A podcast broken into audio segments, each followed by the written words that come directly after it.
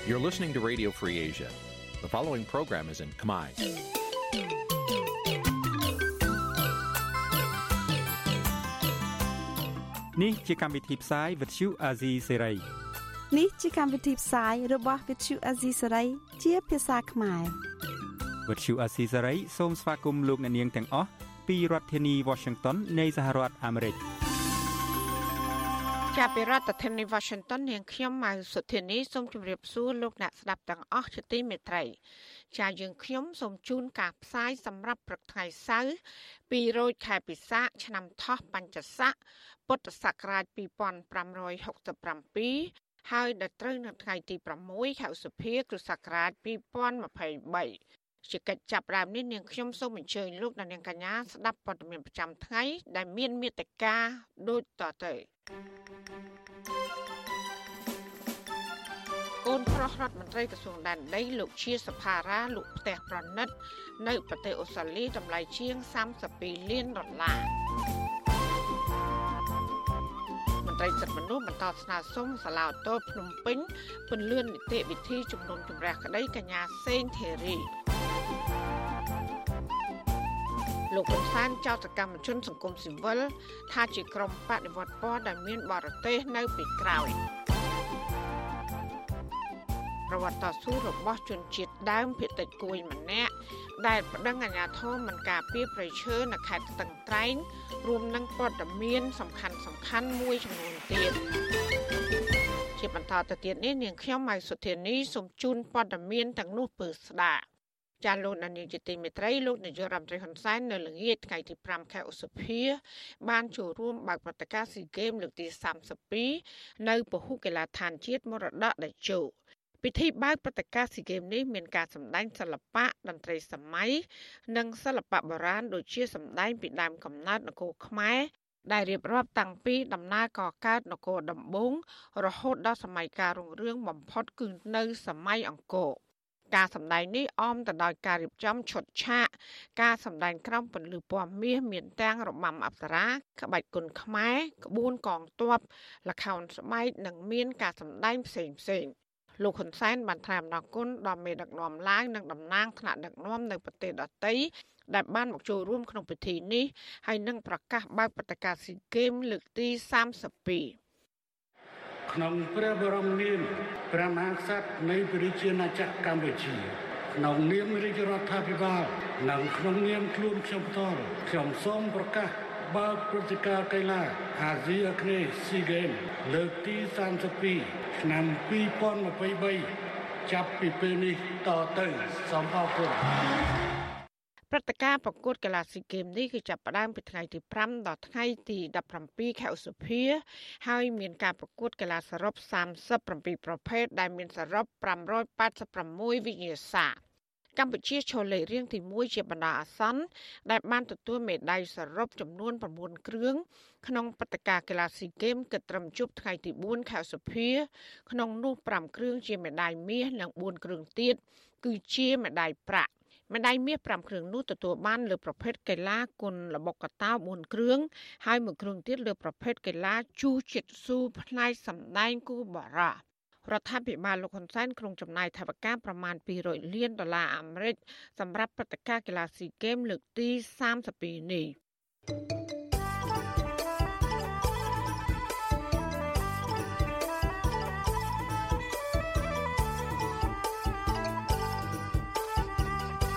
ចាលោកនានីជាទីមេត្រីរឿងដាច់ដោយឡែកតាក់ទងនឹងកូនប្រុសរបស់រដ្ឋមន្ត្រីក្រសួងដែនដីនគររូបនីយកម្មនិងសំណង់លោកជាសភារាគឺលោកផារ៉ាមង្គលដែលមានទួនាទីជារដ្ឋលេខាធិការក្រសួងនេះដែលនោះបានលក់ផ្ទះប្រណិតរបស់ខ្លួនតម្លៃជាង32លានដុល្លារអាមេរិកនៅឯប្រទេសអូស្ត្រាលី មន្ត្រីបពប្រឆាំងសង្ស័យថាមន្ត្រីរដ្ឋាភិបាលមានលុយរាប់លានដុល្លារទិញផ្ទះនិងលក់ផ្ទះនៅក្រៅប្រទេសបែបនេះទំនងបានមកពីលុយពុករលួយ។ចាសសូមលោកអ្នកនាងកញ្ញារងចាំស្ដាប់សេចក្តីរាយការណ៍នេះនៅក្នុងការផ្សាយរបស់យើងនាពេលបន្តិចទៀតនេះ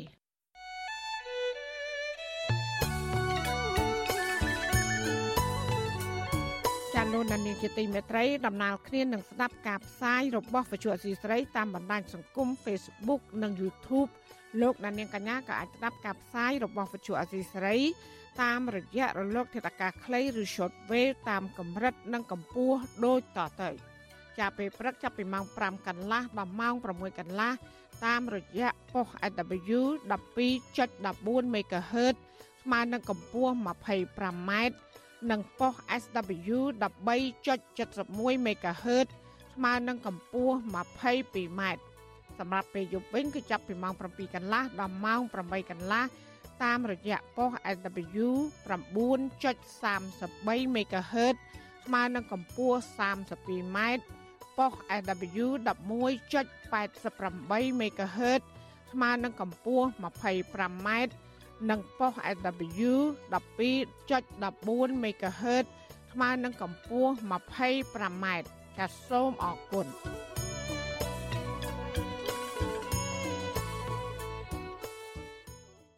ចាលោកអ្នកស្ដាប់ជាទីមេត្រីមន្ត្រីសង្គមស៊ីវិលបន្តស្នើដល់សាឡាវតូភ្នំពេញឲ្យពន្លឿនសវនកម្មលើសំណុំរឿងរបស់សកម្មជនសិទ្ធិមនុស្សគឺកញ្ញាសេងធីរីដែលបានអូសបន្លាយជិត1ឆ្នាំមកហើយ មន្ត្រីសាឡាតោអះអាងថាសំណុំរឿងរបស់កញ្ញាសេងធីរីនេះគឺបានអនុវត្តត្រឹមត្រូវតាមនីតិវិធីដោយពុំមានយឺតយ៉ាវនោះឡើយចាប់ពីរដ្ឋធានី Washington លោកយ៉ងច័ន្ទដារារាយការណ៍ព័ត៌មាននេះ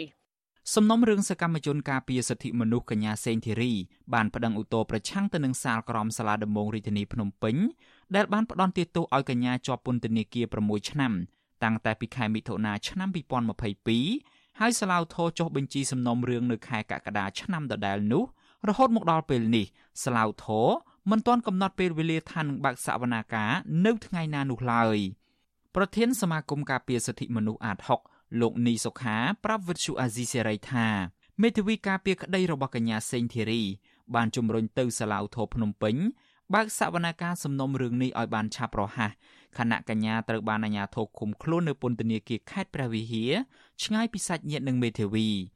លោកបន្តថាមេធាវីបានសួរទៅតុលាការនៅរសៀលថ្ងៃទី5ខែឧសភាម្ដងទៀតដែរក៏ប៉ុន្តែសាឡាវធរភ្នំពេញ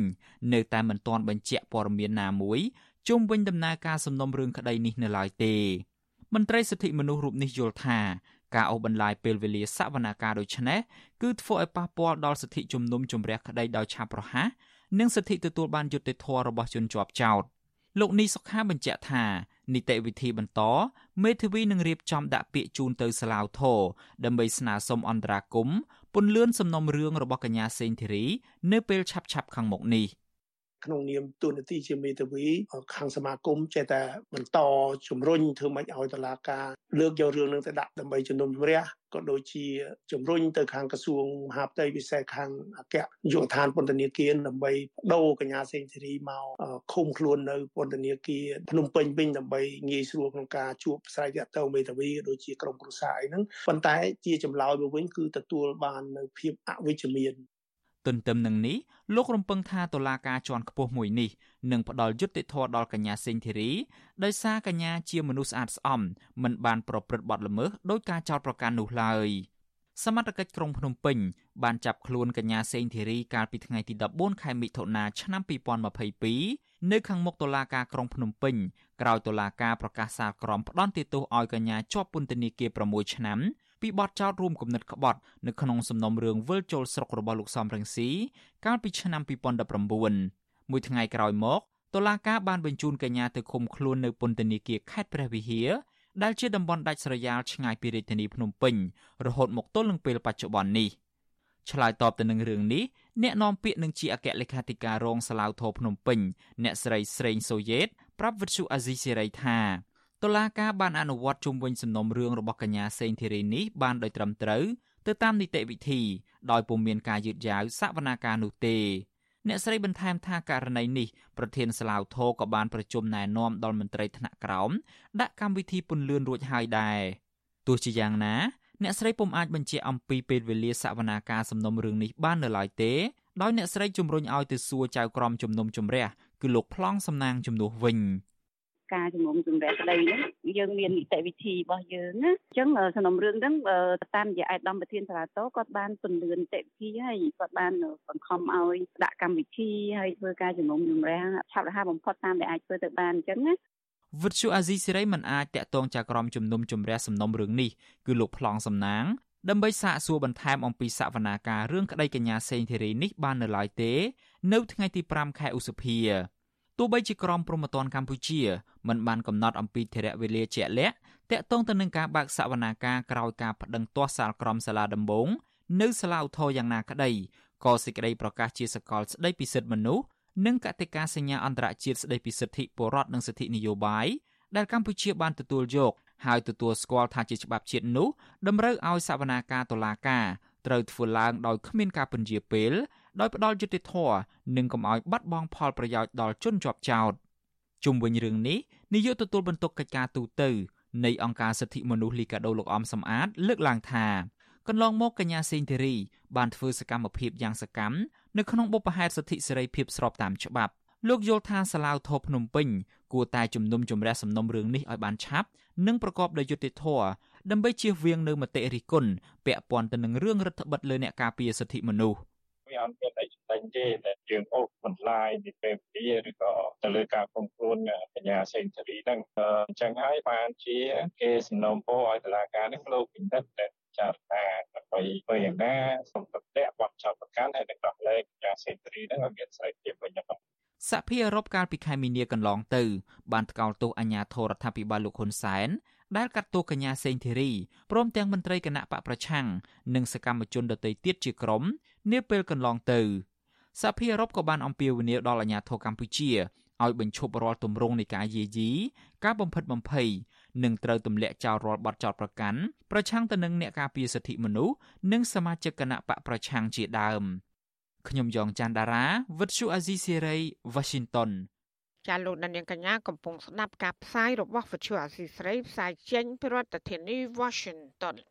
នាយិកាប្រតិបត្តិមជ្ឈមណ្ឌលសិទ្ធិមនុស្សកម្ពុជាអ្នកស្រីច័កសុភីបគឺជាអ្នកដឹកនាំស្ត្រីវ័យក្មេងម្នាក់ដែលចូលរួមលើកស្ទួយសិទ្ធិមនុស្សសមភាព gender និងតែងតែលើកទឹកចិត្តឲ្យស្ត្រីហ៊ានក្នុងការសម្រេចចិត្តចាអ្នកស្រីក្រុងលាឈប់ធ្វើការជាថ្នាក់ដឹកនាំនៅក្នុងស្ថាប័នអង្គការក្រៅរដ្ឋាភិបាលនេះ នៅឆ្នាំ2024ខាងមុខ ចាសសេចក្តីរាយការណ៍ពិស្ដាអំពីជីវប្រវត្តិសង្ខេបរបស់អ្នកស្រីច័កសុភីបលោកណានៀងនឹងបានស្ដាប់នាពេលបន្តិចទៀតនេះ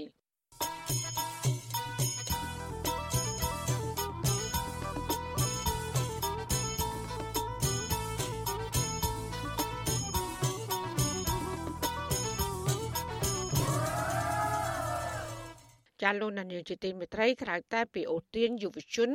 ឲ្យទៅចុះជួលជាមួយលោកហ៊ុនសែននោះលោកហ៊ុនសែនក៏បានចាត់ក្រុមយុវជន ដែលមិនព្រមចុះជួលជាមួយលោក ថាចង់ធ្វើបដិវត្តពណ៌ទៅវិញបញ្ហានេះក្រមយុវជននិងមន្ត្រីសិទ្ធិមនុស្សបានបដិសេធចំពោះការចាប់ប្រកាន់របស់លោកហ៊ុនសែនពួកគេក៏បានលើកឡើងថាពួកគេគ្រាន់តែចង់ឲ្យសង្គមមានការគោរពសិទ្ធិមនុស្សនិងមានយុត្តិធម៌ប៉ុណ្ណោះ ចានេះគឺជាសកម្មភាពពិស្ដាររបស់លោកសេកបណ្ឌិតជំនាញព័ត៌មាននេះយុវជនចាត់ទុកការចោទប្រកាន់ជាថ្មីរបស់លោកហ៊ុនសែនមកលើពួកគេ ថាជាក្រុមបដិវត្តពណ៌គឺមិនខុសគ្នាទៅនឹងការលើកឡើងបែបរើសអើងរបស់ក្រសួងស្ថាប័នមួយចំនួន ដូចជាក្រសួងបរិស្ថានជាដើមសកម្មជនចលនាមេដាធម្មជាតិកញ្ញាមានលីសា ប្រាប់បទសុអសីស្រី នៅថ្ងៃទី5ឧសភាថា វាជារឿងអភ័ព្វមួយ ដែលមិនអាចទទួលយកបានទេសម្រាប់ក្រមយុវជន ធ្វើការងារបរិស្ថាន ដែលតែងតែរងការចោទប្រកាន់ទាំងអយុធធរជារឿយៗថាជាក្រមបំរើនយោបាយទុច្ចរិតឲ្យបរទេសដោយគ្រាន់តែធ្វើកិច្ចការងារសង្គមនិងលើកឡើងពីភាពមិនប្រក្រតីឬភាពខ្វះចន្លោះឲ្យរដ្ឋាភិបាល មានការទទួលខុសត្រូវថែមទៀតក្នុងកិច្ចការពារធនធានធម្មជាតិកញ្ញាបន្តថាកិច្ចការងាររបស់ក្រមយុវជន គ្រាន់តែចង់ឲ្យសង្គមមានយុត្តិធម៌មានការគោរពសិទ្ធិមនុស្សនិងមានការអភិវឌ្ឍសម្រាប់ប្រជាជនដោយស្មើភាពគ្នាដូច្នេះទង្វើទាំងនោះ ជាកិច្ចការចូលរួមការពារសង្គមជាតិហើយមិនមែនជាទង្វើបំផ្លាញជាតិឬញុះញង់ដើម្បីផ្ដួលរំលំរដ្ឋាភិបាលដោយការចោទប្រកាន់កន្លងទៅ ពីរដ្ឋាភិបាល ឬពីតុលាការនោះឡើយ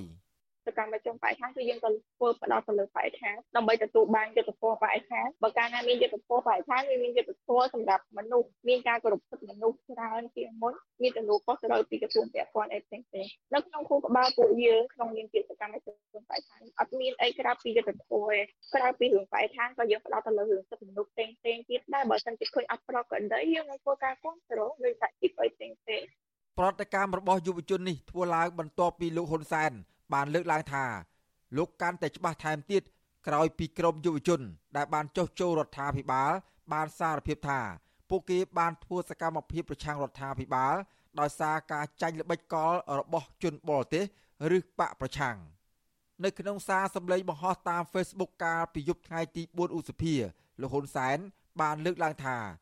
លោកមានការពេញចិត្តចំពោះកូនកូនរបស់លោក ដែលជាក្រុមយុវជន ធ្លាប់ធ្វើការងារខាងសង្គមស៊ីវិល ជួយបំភ្លឺឲ្យទឹកល្អក់កាន់តែថ្លា និងបង្ហាញពីភាពត្រឹមត្រូវនៅអ្វីដែលរដ្ឋាភិបាលប្រកាន់យក ដើម្បីទប់ស្កាត់កុំឲ្យមានចលនាបដិវត្តពណ៌ផ្ដួលរំលំរដ្ឋាភិបាលតាមរយៈការកកោកកាយពីជនបរទេសបរទេសបានខិតខំបំផ្លាញយើង តាមរយៈកូនកូនគឺជាស័ក្តិសិទ្ធិរស់មិនមែនជាបញ្ហាការមូលបង្កាច់ពីសំណាក់គណៈបកកណ្ដាលឬពីរាជរដ្ឋាភិបាលទេ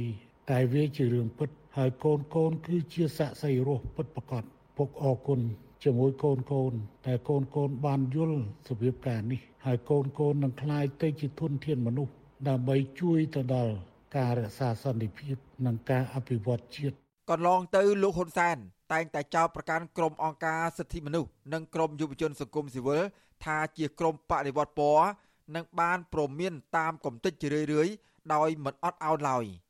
នៅពេលមានការប្រមានពីលោកហ៊ុនសែនបែបនេះមានសកម្មជនសិទ្ធិមនុស្សនិងបរិស្ថានជាបន្តបន្ទាប់ត្រូវបានរដ្ឋាភិបាលលោកហ៊ុនសែនចាប់ចងដាក់ពន្ធនាគារដោយចោទប្រកាន់ពីបទញុះញង់និងរួមគំនិតក្បត់ជាពិសេសមានសកម្មជន និងក្រុមកម្មករមួយចំនួនទៀតត្រូវបានគេបាញ់សម្លាប់ដូចជាសកម្មជនការពារព្រៃឈើលោកឈុតវុធីមេដឹកនាំកម្មករលោកជាវិជា និងអ្នកវិភាគនយោបាយលោកបណ្ឌិតកែមលី ដែលករណីឃាតកម្មទាំងនោះមិនដែលរកឃើញអ្នកទទួលខុសត្រូវយកមកផ្ដន់ទោសតាមផ្លូវច្បាប់នោះឡើយអង្គការឃ្លាំមើលសិទ្ធិមនុស្សអន្តរជាតិលើកឡើងថាអំពើហិង្សាជាច្រើន បានកើតឡើងលើអ្នកនយោបាយប្រឆាំងនិងមន្ត្រីអង្គការសង្គមស៊ីវិលក្រោយពីមានការប្រើសារព្រមានហិង្សាពីលោកហ៊ុនសែនជាពិសេសការកើនឡើងនៃការលួចវាយប្រហារលើរាងកាយដោយដំបង និងបំពង់ដែកលើសមាជិកគណៈបកប្រឆាំងនៅចុងក្រោយនេះ ប្រធានសមាគមសព័ន្ធនិស្សិតបញ្ញវន្តខ្មែរលោកកើតសរាយលើកឡើងដែរថា ការចោទប្រកាន់ជាថ្មីរបស់លោកហ៊ុនសែនហាក់បង្ហាញថា ខ្មែរនៅមិនទាន់មានការផ្សះផ្សាជាតិនិងមានសន្តិភាពពេញលេញនៅឡើយទេ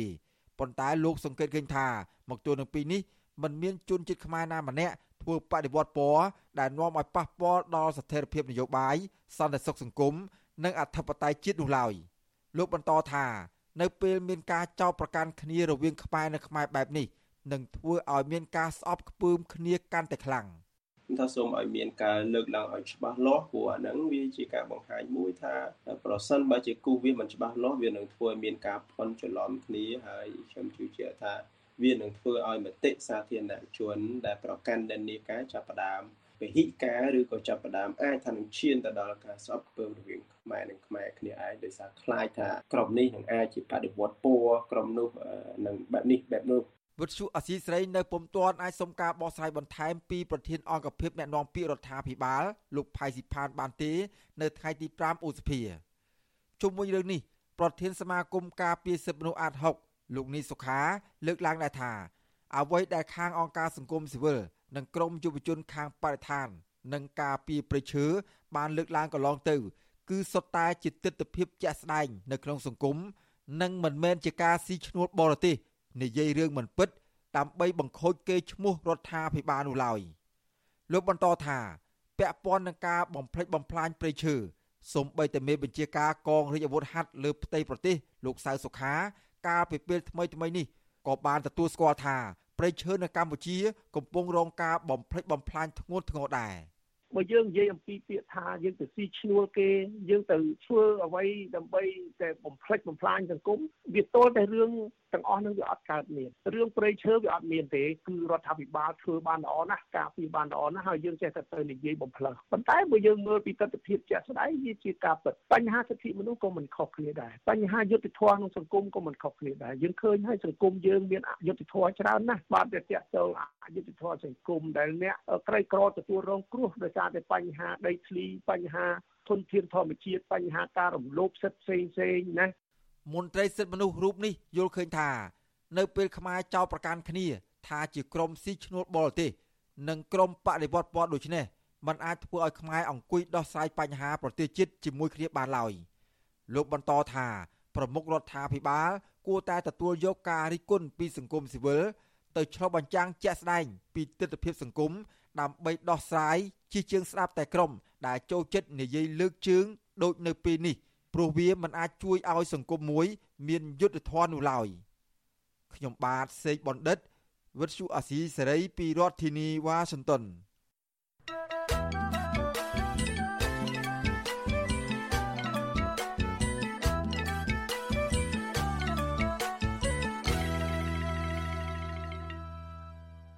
លោកអ្នកស្ដាប់ទទីមេត្រីក្រមស្ត្រីថ្ងៃសុកបាននាំគ្នាតវ៉ានិងដាក់ញត្តិជូនស្ថានទូតជប៉ុន ដើម្បីជំរុញរដ្ឋាភិបាលលោកហ៊ុនសែនដោះលែងសមាជិកគ្រួសាររបស់ពួកគាត់ឲ្យមានសេរីភាពឡើងវិញមន្ត្រីសង្គមស៊ីវិលយល់ឃើញថារដ្ឋាភិបាល គួរតែដោះលែងសកម្មជននយោបាយទាំងអស់ឲ្យមានសេរីភាពឡើងវិញដើម្បីស្ដារលទ្ធិប្រជាធិបតេយ្យនិងការគោរពសិទ្ធិមនុស្សចាលោកនៅវណ្ណរិនរាជការព័ត៌មាននេះដូចតទៅ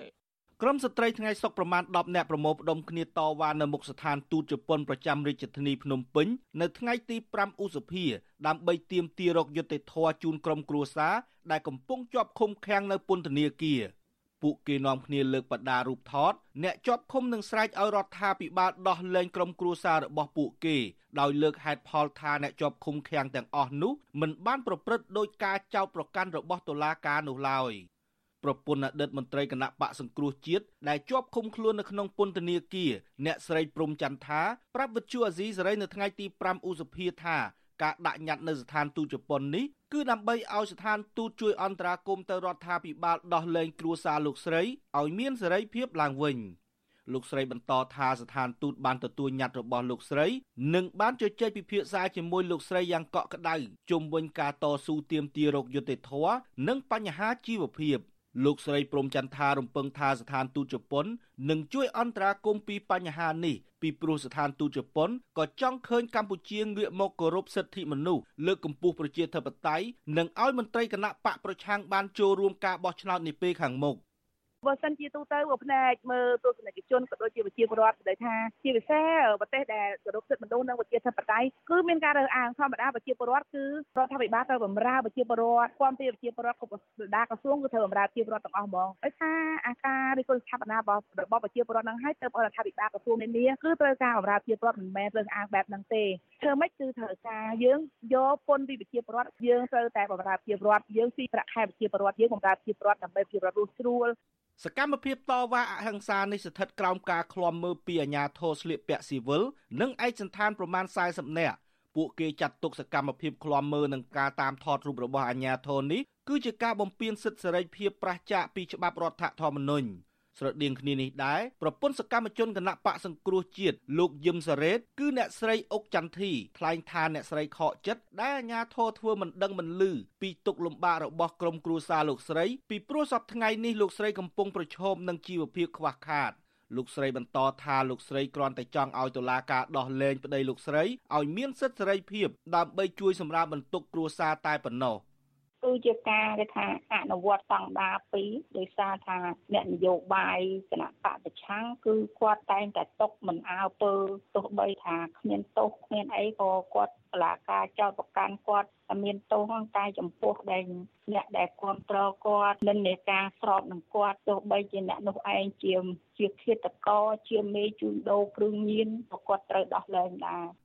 ក្រៅពីដាក់ញត្តិទៅស្ថានទូតជប៉ុនកន្លងទៅក្រមស្ត្រីថ្ងៃសុកក៏បានដាក់ញត្តិទៅស្ថានទូតប្រជាធិបតេយ្យធំធំមួយចំនួនរួមមានស្ថានទូតអឺរ៉ុបនិងស្ថានទូតអាល្លឺម៉ង់ជាដើម បាទទោះជាស្ត្រីថ្ងៃសុកខិតខំអំពាវនាវរកជំនួយពីលោកនាយករដ្ឋមន្ត្រីហ៊ុនសែនបែបណាក៏លោកហ៊ុនសែននៅមិនខ្វល់ខ្វាយថែមទាំងបណ្ដេតបណ្ដោយឲ្យសមត្ថកិច្ចប្រើហិង្សាវាយដំច្រំធាក់ចាប់បោករហូតដល់ស្ត្រីខ្លះសន្លប់ចូលពេទ្យនិងស្ត្រីមួយចំនួនរងរបួសបែកមុខបែកមាត់ជាដើមពួកគេចាត់ទុកថាទង្វើរបស់អាជ្ញាធរទាំងនេះគឺជាការរំលោភសិទ្ធិធ្ងន់ធ្ងរលើស្ត្រី និងជាការគំរាមកំហែងបំបាក់ស្មារតី វិទ្យុអាស៊ីសេរីមិនទាន់អាចតាក់ទងแนะនាំពាក្យស្នងការនគរបាលរាជធានីភ្នំពេញលោកសានសុកសីហាដើម្បីបំភ្លឺរឿងនេះបានទេនៅថ្ងៃទី5ឧសភាជុំវិញរឿងនេះដែរអ្នកនាំពាក្យសមាគមការពារសិទ្ធិមនុស្សអាត6លោកសឹងសានករណា មានប្រសាសន៍ថាអាញាធរគួរតែដោះលែងសកម្មជននយោបាយដើម្បីបើកលំហសិទ្ធិសេរីភាពឲ្យពួកគេបានចូលរួមការបោះឆ្នោតនាពេលខាងមុខ លោកថាបើការបោះឆ្នោតប្រព្រឹត្តទៅដោយមិនសេរីមិនយុត្តិធម៌និងមិនត្រឹមត្រូវនោះទេ កម្ពុជាអាចប្រឈមនឹងការបាត់បង់ប្រព័ន្ធអនុគ្រោះពន្ធ EBA ទាំងស្រុងពីសហភាពអឺរ៉ុបទោះជាយ៉ាងណាក្តីលោកក៏ចង់ឲ្យអ្នកនយោបាយខ្មែររួបរวมគ្នាអត់ឱនគ្នាដើម្បីបម្រើផលប្រយោជន៍ជាតិទាំងមូល យើងឃើញថាបណ្ដាប្រទេសនានាហ្នឹងគេកំពុងតែទទូចឲ្យយើងនឹងធ្វើម៉េចឲ្យបើកនៅលំហបញ្ហាសិទ្ធិមនុស្សបញ្ហាប្រជាធិបតេយ្យនឹងឯងដើម្បីធ្វើយ៉ាងណាវាឲ្យមានភាពល្អប្រសើរហើយឲ្យគោរពទៅតាមនៅបទដ្ឋានអន្តរជាតិនានាដែលយើងបានផ្ដល់សេចក្ដីបានហ្នឹងណាបាទគិតមកទល់ពេលនេះមានអ្នកទោសមនសិការជិត80នាក់ហើយដែលកំពុងជាប់ឃុំឃាំងនៅក្នុងពន្ធនាគារដោយសារតែការអនុវត្តសិទ្ធិសេរីភាពរបស់ខ្លួន ភាគច្រើននៃអ្នកទោសមនសិការទាំងនោះត្រូវបានតុលាការចោទប្រកាន់ពួកគេពីបទរួមគំនិតក្បត់ញុះញង់ឲ្យយោធិនមិនស្ដាប់បង្គាប់និងញុះញង់ឲ្យប្រព្រឹត្តអំពើឧក្រិដ្ឋជាអាតដែលត្រូវដាក់ពន្ធនាគារពីចន្លោះ5ទៅ7ឆ្នាំ។ មន្ត្រីសិទ្ធិមនុស្សនិងក្រមស្ត្រីថ្ងៃសុកទទូចឲ្យរដ្ឋាភិបាលស្ដារលទ្ធិប្រជាធិបតេយ្យនិងគោរពសិទ្ធិមនុស្សឡើងវិញដោយដោះលែងសកម្មជនឲ្យចូលរួមការបោះឆ្នោតដើម្បីបញ្ជៀសការរិះគន់និងការដាក់សម្ពាធនានាពីសហគមន៍អន្តរជាតិខ្ញុំបាទនៅវណ្ណរិន With Chu Azizi Saray ពីរដ្ឋធានី Washington ចាលោកអ្នកស្ដាប់ទទីមេត្រីបរោះជនជាតិដើមភាគតិចគួយម្នាក់ នៅខេត្តស្ទឹងត្រែងគឺលោកច័ន្ទវុនសោកស្ដាយពីវិនាសកម្មធនធានធម្មជាតិដែលបន្សល់ទុកចុងក្រោយនៅគៀកនឹងភូមិកំណើតរបស់ពួកគាត់ ដែលបានបាត់បង់ទាំងស្រុងតំណាងសហគមន៍រូបនេះបានចេញមុខប្តឹងអាជ្ញាធរមូលដ្ឋាន និងក្រុមឈ្មួញទៅតុលាការដើម្បីសង្គ្រោះប្រិយសហគមន៍នៅភូមិអន្លង់ក្រមួនកាលពីជិត10ឆ្នាំមុន ក៏ប៉ុន្តែគ្មានបានផលនោះឡើយដោយសារតឡាការផ្អឹបសំណុំរឿងរបស់លោកទុកដោយមិនចាត់ការតើបរោះជនជាតិដើមភាគតិចគួយរូបនេះ មាន ប្រវត្តិតស៊ូបែបណា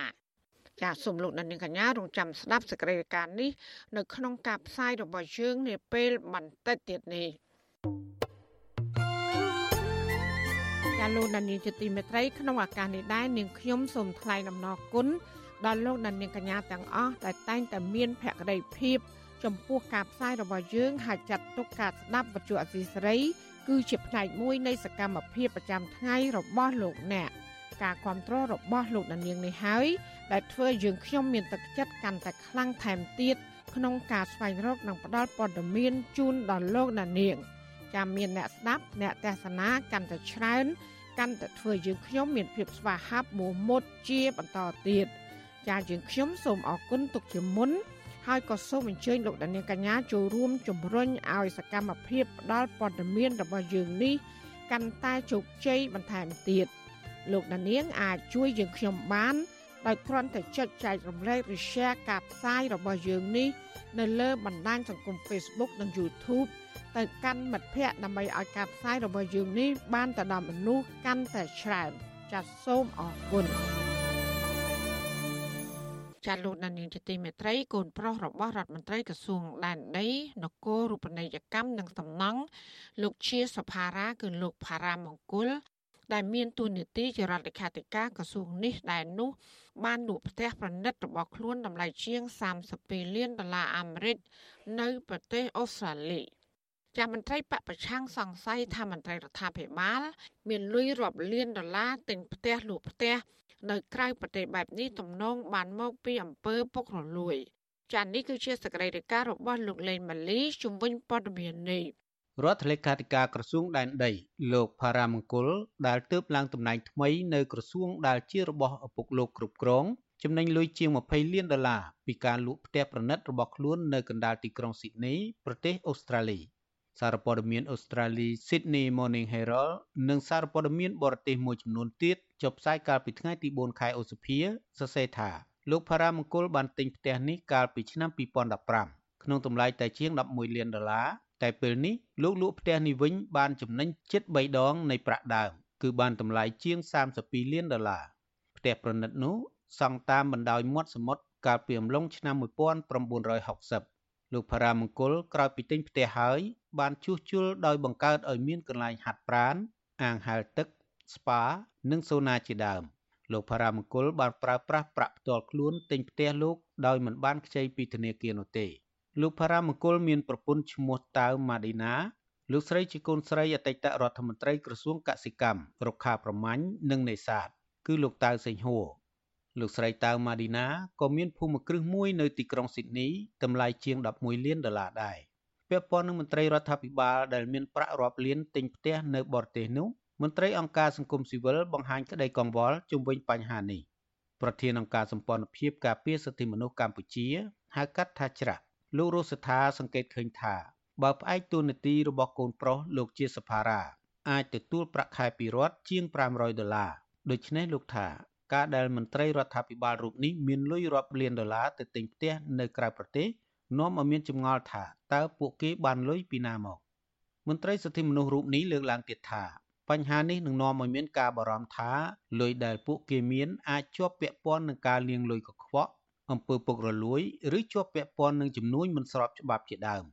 លោករស់ថាចង់ឃើញអង្គភាពអំពើពុករលួយបើកការស៊ើបអង្កេតករណីនេះលើមន្ត្រីរដ្ឋាភិបាលដែលមានលុយរាប់លានដុល្លារទាំងនោះ ការចង់ឃើញនោះវាចង់ឃើញមែនអត់ទៅហើយដែលថាតើបានរដ្ឋមតិកិច្ចរដ្ឋាភិបាលពិសេសគឺថាអង្គភាពចង់ធ្វើពុករលួយចាត់ជាការចំពោះមន្ត្រីពុករលួយហើយជាជំងឺមហាអាមេរិកមហារាជនៃយុទ្ធធរនិងអភិវឌ្ឍសេដ្ឋកិច្ចកម្ពុជាអញ្ចឹងបាទនេះជាមហារាជហើយហើយបើសិនជាយើងមិនជាបាលមហារាជនឹងទេជំងឺខ្លួនរូបកាយរបស់យើងនឹងត្រូវរលួយពាក់ព័ន្ធនឹងរឿងនេះដែរមន្ត្រីជាន់ខ្ពស់គណៈបកសង្គ្រោះជាតិ លោកមនផល្លាដែលកំពុងភៀសខ្លួននៅក្រៅប្រទេសសង្ស័យថាមន្ត្រីរដ្ឋាភិបាលរបស់លោកហ៊ុនសែនដែលមានលុយរាប់លានដុល្លារទៅទិញផ្ទះនៅក្រៅប្រទេសបែបនេះទំនងជាប់ពាក់ព័ន្ធនឹងអំពើពុករលួយប្រធានប្រតិបត្តិគណៈបកសង្គ្រោះជាតិប្រចាំរាជធានីភ្នំពេញរូបនេះយល់ថាមន្ត្រីជាន់ខ្ពស់របស់លោកហ៊ុនសែនដែលទិញផ្ទះនៅក្រៅប្រទេសជាបន្តបន្ទាប់បែបនេះព្រោះពួកគេត្រៀមរត់ចោលលោកហ៊ុនសែនប្រសិនបើបកកាន់អំណាចចាញ់ឆ្នោតនៅពេលណាមួយ មន្ត្រីពុករលួយទាំងនោះដែលយកលុយរាប់សិបលានដុល្លារទៅទិញផ្ទះនៅក្រៅប្រទេសអឺពួកគាត់មិនទុកចិត្តត្រកូលហ៊ុននាពេលបច្ចុប្បន្ននេះទេបាទហើយដូច្នេះហើយគាត់ត្រូវតែរកកន្លែងមួយដើម្បីគិតថាថ្ងៃណាមួយពួកគាត់នឹងអញ្ចឹងគាត់អាចមានកន្លែងជ្រកកោនបាននៅពេលថ្ងៃអនាគត តកតងនឹងរឿងនេះវិទ្យុអស៊ីសេរីមិនអាចសុំការបកស្រាយពីលោកជាសុផារ៉ានិងលោកផារ៉ាមង្គលបានទេនៅថ្ងៃទី5ឧសភារីឯអ្នកនាំពាក្យគណៈបកប្រជាជនកម្ពុជា លោកសុកអេសានសូមមិនបកស្រាយរឿងនេះទេព្រោះលោកថាជារឿងបុគ្គលទោះយ៉ាងនេះក្តីលោកសុកអេសានចោទប្រកាន់ថាសារព័ត៌មានបរទេសដែលចុះផ្សាយរឿងនេះជាការផ្សាយខុសពីការពិត ខ្ញុំមិននិយាយពីរឿងឯកជនភាពរបស់គេទេពួកកសែតបរទេសនេះវាចេះតែបំផ្លើសការពិតណាហ្នឹងហើយខ្ញុំមិនអាចជឿតែតាមផ្សាយកសែតហើយមកនិយាយបកអត្ថាធិប្បាយជំនួសវាទេបាទលោកផារ៉ាមង្គលជាមន្ត្រីជាន់ខ្ពស់នៃរដ្ឋាភិបាលម្នាក់ក្នុងចំណោមមន្ត្រីជាន់ខ្ពស់របស់កម្ពុជា14នាក់និងក្រុមគ្រួសារដែលកំពុងកាន់កាប់ទ្រព្យសម្បត្តិតម្លៃរាប់សិបលានដុល្លារនៅប្រទេសអូស្ត្រាលីលោកផារ៉ាមង្គលជាមន្ត្រីជាន់ខ្ពស់នៃរដ្ឋាភិបាលម្នាក់ ក្នុងចំណោមមន្ត្រីជាន់ខ្ពស់របស់កម្ពុជា14នាក់និងក្រុមគ្រួសារដែលកំពុងកាន់កាប់ទ្រព្យសម្បត្តិតម្លៃរាប់សិបលានដុល្លារនៅប្រទេសអូស្ត្រាលីទ្រព្យធនរបស់ពួកគេមានដូចជាអចលនទ្រព្យនិងផលប្រយោជន៍ពីការវិនិយោគលើចំនួនឬអាជីវកម្មផ្សេងៗទៀតអ្នកទាំងនោះរួមមានសមាជិកក្រុមគ្រួសាររបស់លោកនាយករដ្ឋមន្ត្រីហ៊ុនសែនសមាជិកព្រឹទ្ធសភាលោកឡាវមេងខិនរដ្ឋមន្ត្រីក្រសួងសេដ្ឋកិច្ចនិងហិរញ្ញវត្ថុលោកអូនពាន់មនីរត និងកូនប្រុសលោកជាសភារាជាដើមការលក់ផ្ទះរបស់លោកផារ៉ាមង្គលនេះគឺក្រោយពេលដែលសភាអូស្ត្រាលីកាលពីចុងឆ្នាំ2021បានអនុម័តច្បាប់ដាក់ទណ្ឌកម្មមន្ត្រីរដ្ឋាភិបាលបរទេសដែលពាក់ព័ន្ធនឹងការរំលោភសិទ្ធិមនុស្សប្រព្រឹត្តអំពើពុករលួយ និងការធ្វើឲ្យប៉ះពាល់ដល់ដំណើរការអភិបាលកិច្ចល្អនិងនីតិរដ្ឋខ្ញុំបាទលេងម៉ាលីវិទ្យុអស៊ីសេរីពីរដ្ឋធានី Washington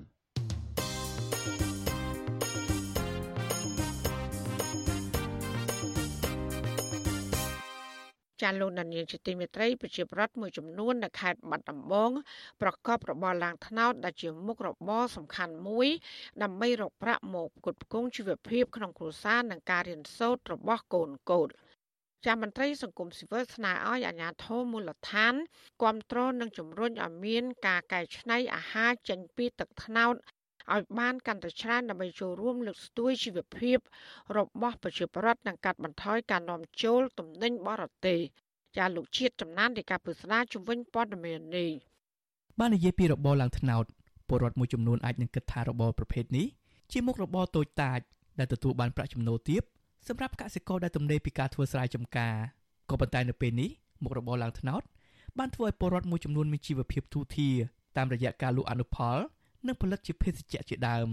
ពលរដ្ឋមានស្រុកកំណើតនៅខេត្តកំពង់ចាមនិងប្រកបរបរឡើងថ្នោតនៅឃុំសំរោងក្នុងស្រុកឯកភ្នំលោកសួរថេងប្រាប់វិសុអេស៊ីសរ៉ៃថាលោកប្រកបរបរនេះអស់រយៈពេល19ឆ្នាំមកហើយដោយដើមម៉ៅដើមថ្នោតអ្នកស្រុកដើម្បីគៀបយកទឹកនិងបេះផ្លែលោកបន្តថាក្នុងមួយថ្ងៃលោកអាចឡើងថ្នោតបានជាង20ដើមដោយគៀបយកទឹកមកធ្វើជាទឹកថ្នោតជូរនិងផ្អែម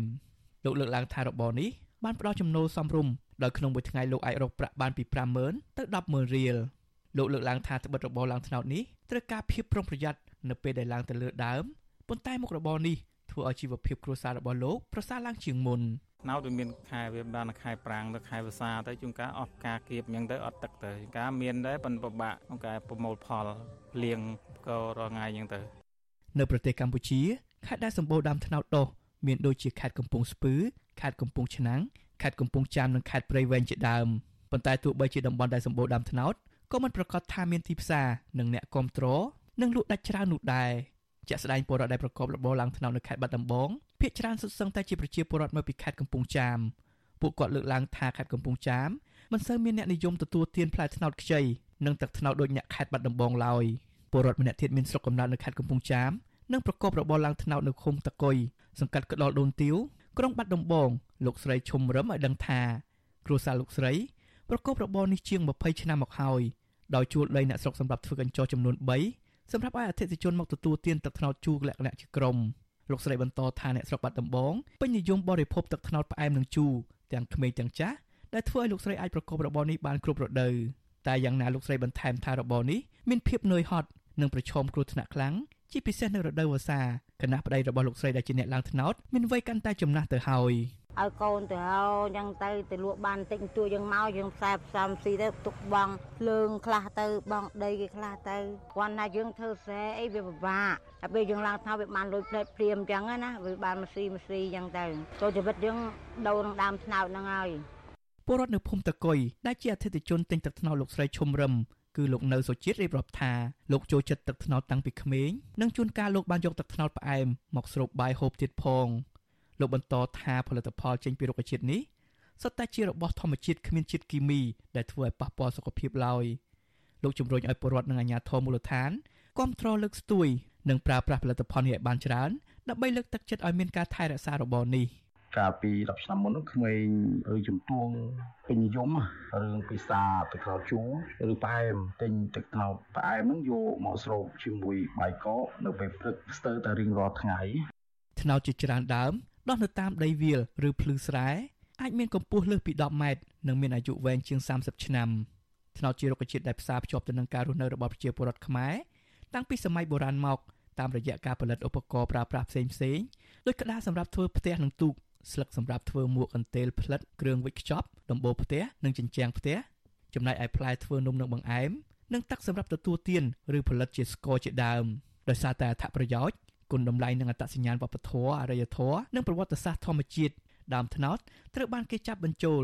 ជាប្រភេទរុក្ខជាតិនិមិត្តរូបជាតិនៅកម្ពុជា កាលពីឆ្នាំ2005ស្ដីពីការកំណត់ប្រភេទសត្វនិងរុក្ខជាតិសម្រាប់និមិត្តរូបនៃព្រះរាជាណាចក្រកម្ពុជាតកតទៅនឹងរឿងនេះ អ្នកសម្របសម្រួលផ្នែកខ្លំមើលការរំលោភសិទ្ធិមនុស្សនៃអង្គការលីកាដូប្រចាំនៅខេត្តបាត់ដំបងលោកអិនគង្ជិតយល់ឃើញថាអាញាធននិងស្ថាប័នពាក់ព័ន្ធគួរតែបង្កើតសហគមន៍ចងក្រងនិងរកទីផ្សារឲ្យកសិករជាពិសេសទីផ្សារស្ករត្នោតលោកសម្លឹងឃើញថាប្រជាពលរដ្ឋអាចប្រើប្រាស់ទឹកត្នោតឲ្យអស់ពីលទ្ធភាពនិងរក្សាទុកបានយូរតាមរយៈការកូររំងាស់ធ្វើស្ករដែលអាចផ្គត់ផ្គង់ការប្រើប្រាស់ក្នុងស្រុកនិងកាត់បន្ថយការនាំចូលពីក្រៅប្រទេសបានមួយកម្រិតផងដែរ ហើយចំពោះមន្ត្រីកសិកម្មខេត្តហ្នឹងក៏ត្រូវតែចុះពិនិត្យដើម្បីផ្ដល់បច្ចេកទេសដល់ពួកគាត់ប្រកបរបរហ្នឹងហើយផ្ដល់បច្ចេកទេសក្នុងការដែលគាត់ទៅយកផលជាទឹកត្នោតពីដើមត្នោតហ្នឹងប្រកបដោយសុវត្ថិភាពដើម្បីកុំឲ្យគាត់មានគ្រោះថ្នាក់នៅពេលដែលគាត់ទៅយកទឹកត្នោតពីដើមត្នោតមកបាទកសិករឡើងត្នោតប្រជាពលរដ្ឋនិងមន្ត្រីសង្គមស៊ីវិលសង្ឃឹមថាក្រសួងនិងអង្គការសមាគមពាក់ព័ន្ធនឹងបង្កើនការគ្រប់គ្រង ជំរុញផលិតផលចេញពីរុក្ខជាតិត្នោតឲ្យបានកាន់តែច្រើនដើម្បីចូលរួមអភិវឌ្ឍរុក្ខជាតិតំណាងជាតិមួយនេះនិងលើកស្ទួយជីវភាពបង្កើតការងារឲ្យពលរដ្ឋបានកាន់តែច្រើនខ្ញុំបាទចិត្តចំណាន Visual Assisray ប្រធានាទី Washington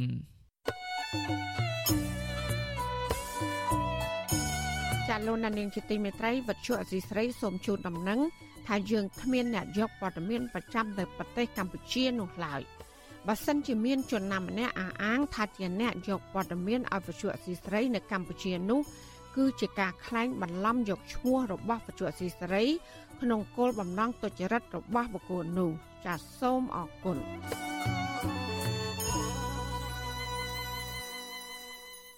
ចាលោកនាងជាទីមេត្រីនាយិកាប្រតិបត្តិមជ្ឈមណ្ឌលសិទ្ធិមនុស្សកម្ពុជា អ្នកត្រីច័កសុភាពគឺជាអ្នកដឹកនាំស្ត្រីវ័យក្មេងម្នាក់ដែលបានចូលរួមលើកស្ទួយសិទ្ធិមនុស្សសមភាព gender និងតែងតែលើកទឹកចិត្តឲ្យស្ត្រីហ៊ានក្លាហានក្នុងការសម្រេចចិត្តចាអ្នកស្រីក្រុងលាឈប់ធ្វើការជាថ្នាក់ដឹកនាំនៅក្នុងស្ថាប័នអង្គការក្រៅរដ្ឋាភិបាលនេះ នៅឆ្នាំ2024ខាងមុខ ចាលោកសេកបណ្ឌិតសូមរាយការណ៍ជូនពុស្ដាជំវិញជីវប្រវត្តិសង្ខេបនិងការតស៊ូការងាររបស់អ្នកស្រីដូចតទៅសម្រាប់ស្ត្រីដតីទៀតហ្នឹងខ្ញុំគិតថាយើងត្រូវពង្រឹងសមត្ថភាពយើងត្រូវមានទំនុកចិត្តខ្លួនឯងហើយត្រូវហ៊ានក្នុងការចូលរួមខ្ញុំថានេះជាការលើកឡើងរបស់នាយិកាប្រតិបត្តិមជ្ឈមណ្ឌលសិទ្ធិមនុស្សកម្ពុជាហៅកាត់ថា CCHR គឺអ្នកស្រីចော့សុភាព អ្នកស្រីយល់ឃើញថា ពលរដ្ឋគ្រប់រូបសុទ្ធតែអាចអភិវឌ្ឍខ្លួនក្លាយជាអ្នកដឹកនាំក្នុងការចូលរួមចំណែកអភិវឌ្ឍសង្គមចំណែកស្ត្រីក៏មានឱកាសអភិវឌ្ឍភាពក្លាហាន ក្នុងការចូលរួមនិងហ៊ានសម្រេចចិត្តអ្នកស្រីចော့សុភាពគឺជាមនុស្សម្នាក់ក្នុងចំណោមស្ត្រីវ័យក្មេងដឹកនាំស្ថាប័នលើកម្ពស់សិទ្ធិមនុស្សអស់រយៈពេលជិត10ឆ្នាំមកហើយដោយគិតចាប់ពីឆ្នាំ2014មកទល់នឹងពេលបច្ចុប្បន្ននិងទទួលបានពានរង្វាន់ ពីស្ថាប័នអន្តរជាតិជាច្រើន រួមទាំងពានរង្វាន់ពីអតីតប្រធានាធិបតីសហរដ្ឋអាមេរិកលោកបារ៉ាក់អូបាម៉ាផងដែរជុំវិញការខិតខំប្រឹងប្រែង លើកស្ទួយសិទ្ធិមនុស្សនិងសមភាព gender នៅប្រទេសកម្ពុជា អ្នកស្រីចော့សុភាព មានស្រុកកំណើតនៅឃុំពងរោស្រុកកោះសុទិនខេត្តកំពង់ចាមអំឡុងឆ្នាំ1989ក្រុមគ្រួសារអ្នកស្រី បានផ្លាស់ទីលំនៅមកទីក្រុងភ្នំពេញនិងបញ្ចប់ការសិក្សា នៅវិទ្យាល័យមួយក្នុងរាជធានីភ្នំពេញនៅឆ្នាំ2001និងបានប្រឡងជាប់មុខវិជ្ជាពេទ្យដែលជាក្តីស្រមៃកាលពីនៅកុមារភាពដើម្បីព្យាបាលជំងឺដល់អ្នកក្រីក្រប៉ុន្តែអ្នកស្រីបានផ្អាកបន្តការសិក្សាមុខវិជ្ជាពេទ្យនេះដោយសារតែក្រុមគ្រួសាររបស់អ្នកស្រីមិនមានលទ្ធភាពគ្រប់គ្រាន់និងពិបាកនៅក្នុងការធ្វើដំណើរផង អ្នកស្រីបានសម្រេចចិត្តហាត់ការ នៅអង្គការក្នុងវិទ្យាស្ថានសម្រាប់សហប្រតិបត្តិការនិងសន្តិភាពហៅកាត់ថា CICP ក្នុងឆ្នាំ2002និងមួយខែក្រោយមក ដោយសារតែការខិតខំប្រឹងប្រែង និងដោយភាពពូកែអ្នកស្រីក៏បានជាប់ជាបុគ្គលិកនៅទីនោះ ទន្ទឹមនឹងនេះ អ្នកស្រីក៏អាចយល់ដឹងអំពីសង្គមនិងសិទ្ធិមនុស្សក្រោយពីក្លាយជាមន្ត្រីនៃអង្គការសង្គមស៊ីវិលអ្នកស្រីចော့សុភាព មានលទ្ធភាពបង់ថ្លៃសិក្សា នៅលើមុខជំនាញសេដ្ឋកិច្ចនៅសាកលវិទ្យាល័យបញ្ញាសាស្ត្រផងដែរនៅឆ្នាំ2005អ្នកស្រីចော့សុភាពបានក្លាយជាមន្ត្រីតស៊ូមតិនៃមជ្ឈមណ្ឌលសិទ្ធិមនុស្សកម្ពុជាហៅកាត់ថា CCHR ហើយអ្នកស្រីយល់ពីបញ្ហាសិទ្ធិមនុស្សកាន់តែច្បាស់នៅពេលដែលអាជ្ញាធរចាប់នាយកប្រតិបត្តិនៃមជ្ឈមណ្ឌលសិទ្ធិមនុស្សកម្ពុជា គឺលោកកឹមសុខា តាមពាក្យបណ្ដឹងរបស់លោកហ៊ុនសែនពីបទបរិហាគេ មើលឃើញព្រឹត្តិការណ៍ហ្នឹងឃើញគេចាប់ខ្លួនគាត់ហើយគេចុះមកអត់មានដីកាយើងសួរចឹងទៅគេចេញទៅវិញគេចាក់សោយើងឲ្យរងចាំនៅក្នុងការិយាល័យចាំគេយកដីកាមកតែទន្ទឹមនឹងក៏នឹកឃើញដែរថាជាឱកាសមួយល្អព្រឹត្តិការណ៍ហ្នឹងធ្វើឲ្យយើងឃើញឲ្យយើងយល់ពីស្ថានភាពសិទ្ធិមនុស្សជាក់ស្ដែងពីមុនយើងមិនសូវយល់យើងថ្មីប៉ុន្តែយើងបានរៀនសូត្រមើលឃើញព្រឹត្តិការណ៍ហ្នឹងហើយវាជាស្ថានភាពមួយដែលជំរុញចិត្តខ្ញុំថា ខ្ញុំត្រូវទៅនៅបន្តត្រូវដូចថាចូលរួមដើម្បីស្វែងរកយុត្តិធម៌ឲ្យសង្គមទោះបីជាស្ថាប័នជួបវិបត្តិហិរញ្ញវត្ថុនិងមានការចាប់ខ្លួនឋានៈដឹកនាំក្តីអ្នកស្រីចော့សុភាពនៅតែមានកម្លាំងចិត្តបន្តការងារជួយស្ថាប័ននិងបន្តធ្វើយុទ្ធនាការតស៊ូមតិជាដើម រហូតដល់ពេលដែលស្ថាប័នមានភាពរឹងមាំអ្នកស្រីចော့សុភាពក៏បានជាប់អាហារូបករណ៍ថ្នាក់អនុបណ្ឌិត ផ្នែកការសិក្សាសន្តិភាពអន្តរជាតិនៅសាកលវិទ្យាល័យអន្តរជាតិជប៉ុនហៅកាត់ថា IUJ ក្រោយត្រឡប់ពីប្រទេសជប៉ុនវិញ អ្នកស្រីចော့សុភាពត្រូវបានមជ្ឈមណ្ឌលសិទ្ធិមនុស្សកម្ពុជា ស្នើឲ្យត្រឡប់ទៅធ្វើការវិញជាមួយគ្នានេះដែរអ្នកស្រីបានដាក់ការងារនៅតុលាការខ្មែរក្រហម និងមានភាពស្ទាក់ស្ទើរក្នុងការជ្រើសរើសប៉ុន្តែក្នុងពេលសម្ភាសនៅតុលាការខ្មែរក្រហមតុលាការកូនកាត់មួយនេះបានតម្រូវឲ្យអ្នកស្រី បញ្ឈប់សរសេរអត្ថបទលើប្រព័ន្ធផ្សព្វផ្សាយដែលរិះគន់លើតុលាការខ្មែរតទៅទៀតអ្នកស្រីបានបដិសេធទទួលយកការងារនេះដោយអ្នកស្រីថាมันអាចបដូររវាងសេរីភាពនិងការងារនោះទេមានអត្ថបទមួយចំនួនខ្ញុំរិះគន់តុលាការខ្មែរក្រហមអញ្ចឹងទៅគាត់ក៏ផ្ដល់ជាមតិថាបើខ្ញុំទោះបីយ៉ាងណាក៏ដោយគាត់ពេញចិត្តនឹងដូចថាសមត្ថភាពយើងអញ្ចឹងគាត់គាត់ ទទួលយើងប៉ុន្តែមានលក្ខខណ្ឌមួយឲ្យយើងឈប់ទៅសេឈប់រិះគន់អញ្ចឹងខ្ញុំក៏ប្រាប់គាត់វិញភ្លាមភ្លាមពេលហ្នឹងខ្ញុំថាខ្ញុំសូមអធិស្ឋានហើយខ្ញុំអត់ទទួលទេការងារហ្នឹងបើសិនជាមានលក្ខខណ្ឌអញ្ចឹងបន្ទាប់ពីជ្រើសរើសធ្វើការនៅមជ្ឈមណ្ឌលសិទ្ធិមនុស្សកម្ពុជា ក្នុងឆ្នាំ2010និងបានបម្រើការងារអស់រយៈពេល4ឆ្នាំក្រមប្រឹក្សាភិបាល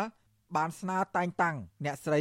ជានាយិកាប្រតិបត្តិក្នុងវ័យ29ឆ្នាំ មុននឹងសម្រេចចិត្តទទួលយកតំណែងជានាយិកាប្រតិបត្តិអ្នកស្រីធ្លាប់មានការព្រួយបារម្ភថា អ្នកស្រីជាស្ត្រីវ័យក្មេងដែលមនុស្សជាច្រើនមិនជឿជាក់លើសមត្ថភាពនិងបារម្ភប៉ះពាល់ដល់ស្ថាប័នតែខណៈនោះអ្នកស្រីគិតថាខ្លួនជាអ្នកដែលលើកស្ទួយសិទ្ធិស្ត្រីឲ្យคล้ายជាថ្នាក់ដឹកនាំឬអ្នកនយោបាយហេតុដូច្នេះទើបចុងក្រោយ អ្នកស្រីសម្រេចចិត្តទទួលយក ទូនាទីជាថ្នាក់ដឹកនាំមជ្ឈមណ្ឌលសិទ្ធិមនុស្សកម្ពុជា មកទួលនៅពេលបច្ចុប្បន្នបើយើងធ្វើទៅវាអត់បានល្អមតិជាច្រើនគេនឹងដាក់សម្ពាធថាក្មេងធ្វើអត់បានទេការងារអញ្ចឹងអញ្ចឹងជាពិសេសស្ត្រី ជាពិសេសវ័យក្មេងកុំឲ្យសោះណាអញ្ចឹងខ្ញុំបារម្ភថាខ្ញុំខ្លាចទៅជា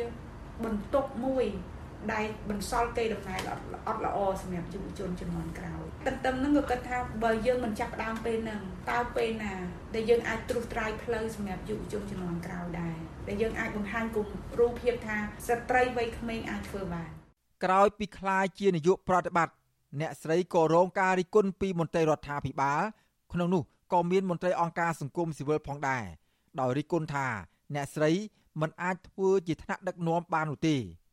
តែយ៉ាងណា អ្នកស្រីបានយកចិត្តទុកដាក់ចំពោះការរិះគន់ទាំងនេះ តែអ្នកស្រីទទួលបានការគាំទ្រពីសហការីដៃគូជាតិនិងអន្តរជាតិព្រមទាំងបានបង្ហាញសមិទ្ធផលតស៊ូមតិចំពោះបញ្ហាសិទ្ធិមនុស្សជិត10ឆ្នាំកន្លងមកនេះក្នុងនាមជាថ្នាក់ដឹកនាំអ្នកស្រីចော့សុភាពបានបង្កើតកម្មវិធីផ្សេងផ្សេងសិក្ខាសាលាយុទ្ធនាការដោយផ្ដោតលើការលើកស្ទួយសិទ្ធិស្ត្រីបំបត្តិការរើសអើងលើ gender និងអំពើហិង្សាលើគ្រួសារអ្នកស្រីចុះអង្កេតការរាល់ពេលពលរដ្ឋធ្វើបាតកម្មឬកោតកម្មដើម្បីស្វែងរកយុត្តិធម៌តំណាងសហគមន៍លពីងអ្នកស្រីអ៊ុំសុភីយល់ឃើញថា អ្នកស្រីចោះសុភាព គឺជាស្ត្រីដឹកនាំល្អម្នាក់ហើយសម្រាប់សហគមន៍លពីងផ្ទាល់មជ្ឈមណ្ឌលសិទ្ធិមនុស្សកម្ពុជា តែងតែបង្រៀនដល់សហគមន៍ឲ្យយល់ដឹងពីសិទ្ធិមនុស្ស សម្រាប់សហគមន៍ខ្ញុំក៏ជួយច្រើនទាំងពីការតតេទាំងពីការជួយឲ្យចូលវគ្គបណ្ដុះបណ្ដាលផ្សេងផ្សេងទាំងពីការតស៊ូមតិទាំងពីវគ្គអ្នកឆ្លាញ់ទេពគ្នាស្ត្រីក្នុងភាពជាអ្នកដឹកនាំជារួមទៅក៏ជួយច្រើនចំណែកមន្ត្រីកម្មវិធីស្រាវជ្រាវនិងតស៊ូមតិនៃសមាគមបណ្ដាញយុវជនកម្ពុជា លោកហេងកំហុងលើកឡើងថា អ្នកស្រីចော့សុភាពគឺជាមនុស្សរស់រាយចំពោះមនុស្សជុំវិញខ្លួន មើងម៉ាត់ចំពោះការងារ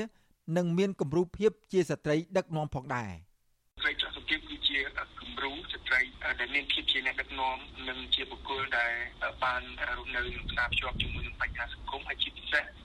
ជាបុគ្គលម្នាក់ដែលបាននៅចិត្តដិតជាមួយនឹងបញ្ហាហើយនាំយកបញ្ហាទៅធ្វើការតស៊ូមតិដើម្បីឲ្យមានការគោរពសិទ្ធិមនុស្សនិងយុត្តិធម៌សង្គមនៅកម្ពុជាបាទ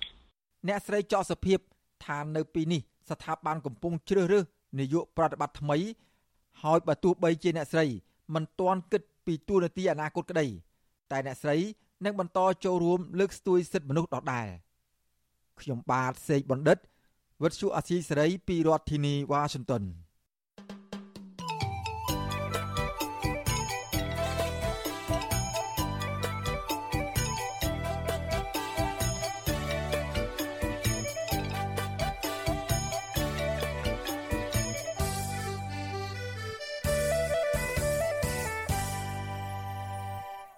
ចាលោកអ្នកស្ដាប់យុតិមេត្រីបរោះជនជាតិដើមភាគតិចគួយម្នាក់នៅខេត្តស្ទឹងត្រែងគឺលោកច័ន្ទវុនសោកស្ដាយពីវិនាសកម្មធនធានធម្មជាតិដែលបន្សល់ទុកចុងក្រោយនៅគៀកនឹងភូមិកំណើតរបស់ពួកគាត់ ដែលបានបាត់បង់ទាំងស្រុងតំណាងសហគមន៍រូបនេះបានចេញមុខប្តឹងអាជ្ញាធរមូលដ្ឋាន និងក្រុមឈ្មួញទៅតុលាការដើម្បីសង្គ្រោះប្រិយសហគមន៍នៅភូមិអន្លង់ក្រមួនកាលពីជិត10ឆ្នាំមុន ក៏ប៉ុន្តែគ្មានបានផលនោះឡើយដោយសារតឡាការផ្អឹបសំណុំរឿងរបស់លោកទុកដោយមិនចាត់ការតើបរោះជនជាតិដើមភាគតិចគួយរូបនេះ មាន ប្រវត្តិតស៊ូបែបណាចាប់ពីរដ្ឋធានី Washington លោកទីនសាការីយ៉ាសូមរាយការណ៍ជូនពុស្ដាជុំវិញការតស៊ូរបស់លោកច័ន្ទវុនដើម្បីការពារប្រៃឈើដូចតទៅការបាត់បង់ប្រៃសហគមន៍ភូមិអន្លង់ក្រមួនទាំងស្រុងនៅរយៈពេលប្រមាណឆ្នាំចុងក្រោយនេះ បានធ្វើឲ្យជនជាតិដើមភាគតិចរាប់រយគ្រួសារនៅខេត្តស្ទឹងត្រែងខឹងសម្បាចំពោះទង្វើរបស់អាជ្ញាធរខេត្តនេះថាគ្មានឆន្ទៈការពារព្រៃសហគមន៍ស្របតាមច្បាប់នោះឡើយព្រៃសហគមន៍នេះសម្បូរព្រៃស្រោងឈើប្រណិតធំធំសត្វព្រៃនិងជាប្រភពសេដ្ឋកិច្ចរបស់ជនជាតិដើមភាគតិចចំនួន5ភូមិបានក្លាយជាវាលរហោឋាននៅរយៈពេលជិត10ឆ្នាំចុងក្រោយនេះតំណាងសហគមន៍ការពារព្រៃឈើភូមិអន្លង់ក្រមួនរស់នៅឃុំស្រែឫស្សីស្រុកថ្លាបរវត្ត គឺលោកឋានវ៉នថ្លែងថាព្រៃសហគមន៍នេះមិនត្រឹមតែបាត់បង់ដើមឈើធំធំប៉ុណ្ណោះទេសូម្បីតែដីត្រូវក្រុមឈ្មួញឈូសឆាយទន្ទ្រាននិងទិញលក់ដូរអាណាធិបតេយ្យដោយមានអាជ្ញាធរមូលដ្ឋាននៅពីក្រោយខ្នងថែមទៀតផង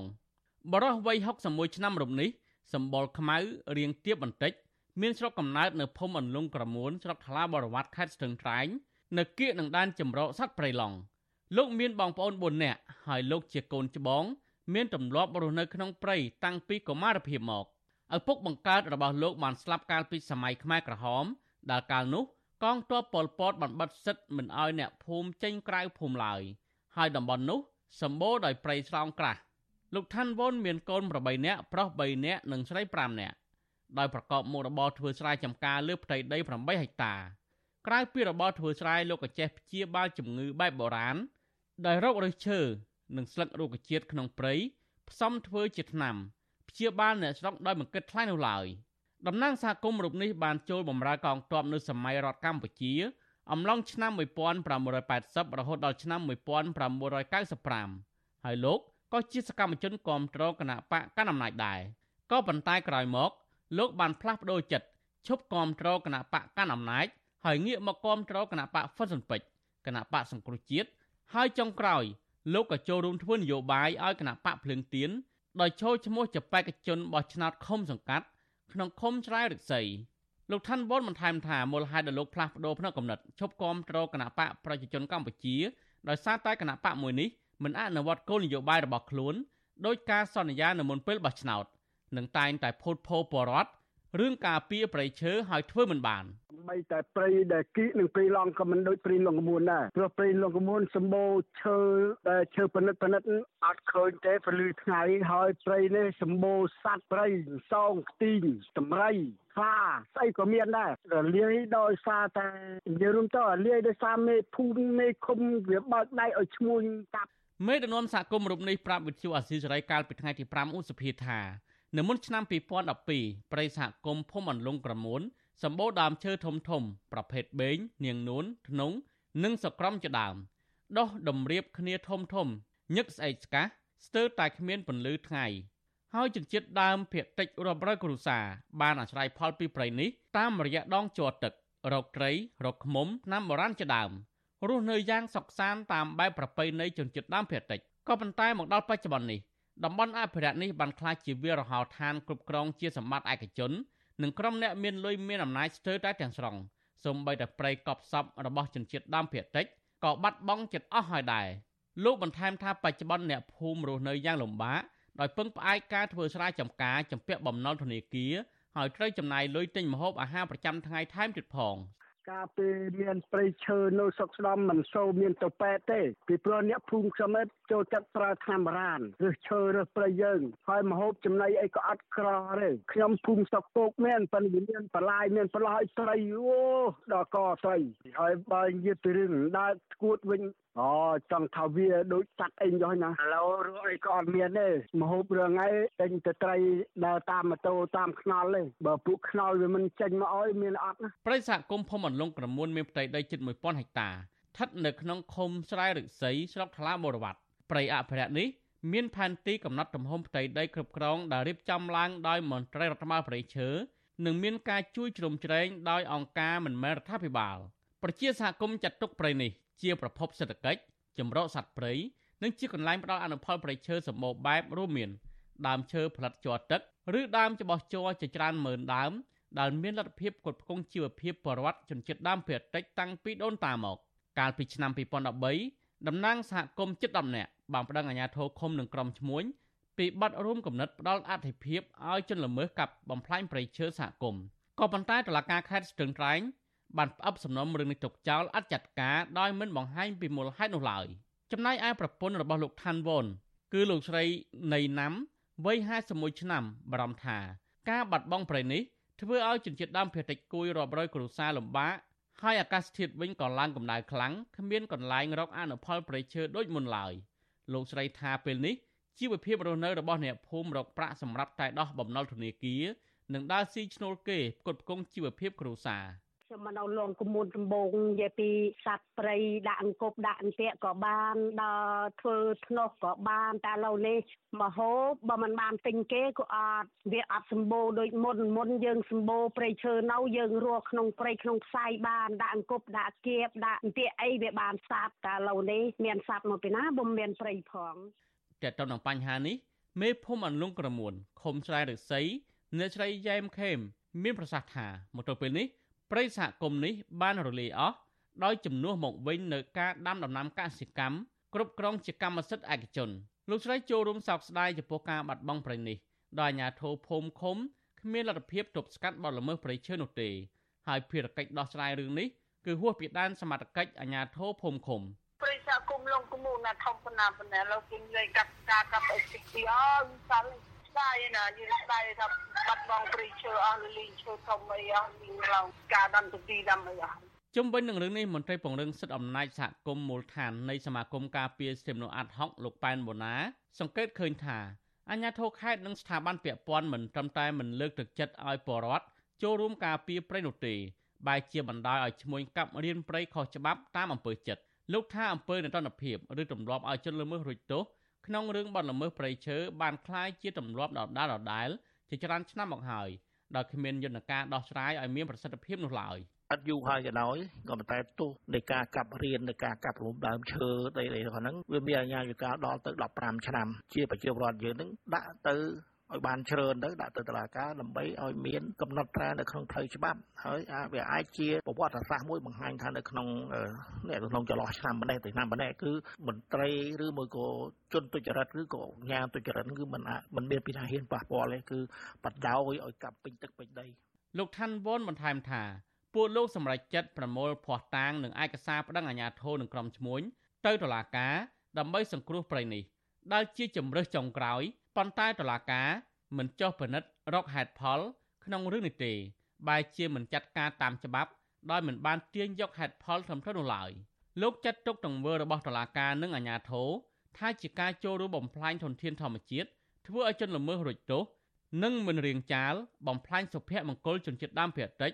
បំផ្លាញសេដ្ឋកិច្ចប្រពៃណីរបស់ជនជាតិដើមភាគតិចដែលពឹងផ្អែកលើអនុផលប្រៃឈើតាំងពីដូនតាមក ខ្ញុំទីនសាការីយ៉ាអស៊ីសេរីប្រធានីវ៉ាស៊ីនតោន